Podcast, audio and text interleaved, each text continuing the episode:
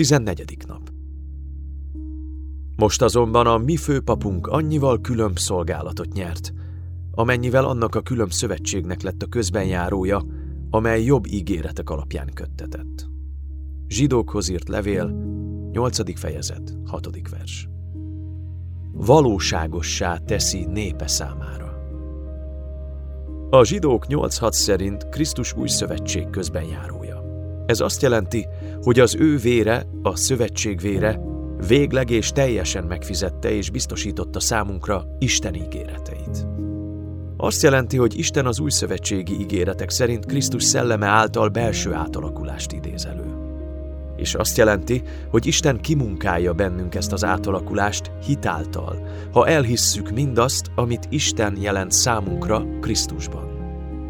Az új szövetség Krisztus vére árán köttetett, Krisztus szelleme valósítja meg, és a Krisztusba vetett hit által lehet a miénk. Krisztusnak, mint az új szövetség közbenjárójának munkálkodása a zsidók 13-20-21-ben látható a legjobban. A békesség Istene pedig, aki az örök szövetség vére által kihozta a halottak közül a mi urunkat, Jézust, a juhok nagypásztorát, tegyen készségessé titeket minden jóra, akaratának teljesítésére.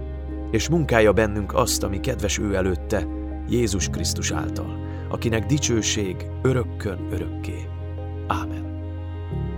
A munkája bennünk azt, ami kedves ő előtte, azt mutatja be, ami akkor történik, amikor Isten az új szövetséggel összhangban a szívünkbe írja az ő törvényét. A Jézus Krisztus által pedig azt jelzi, hogy Jézus a szuverén kegyelem e dicsőséges munkájának közben járója.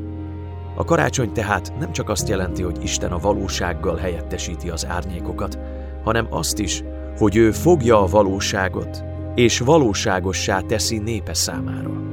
A szívünkbe írja. Nem a fa alá rakja az üdvösség és az átformálódás ajándékát, mintha azt a saját erőnkből fölvehetnénk.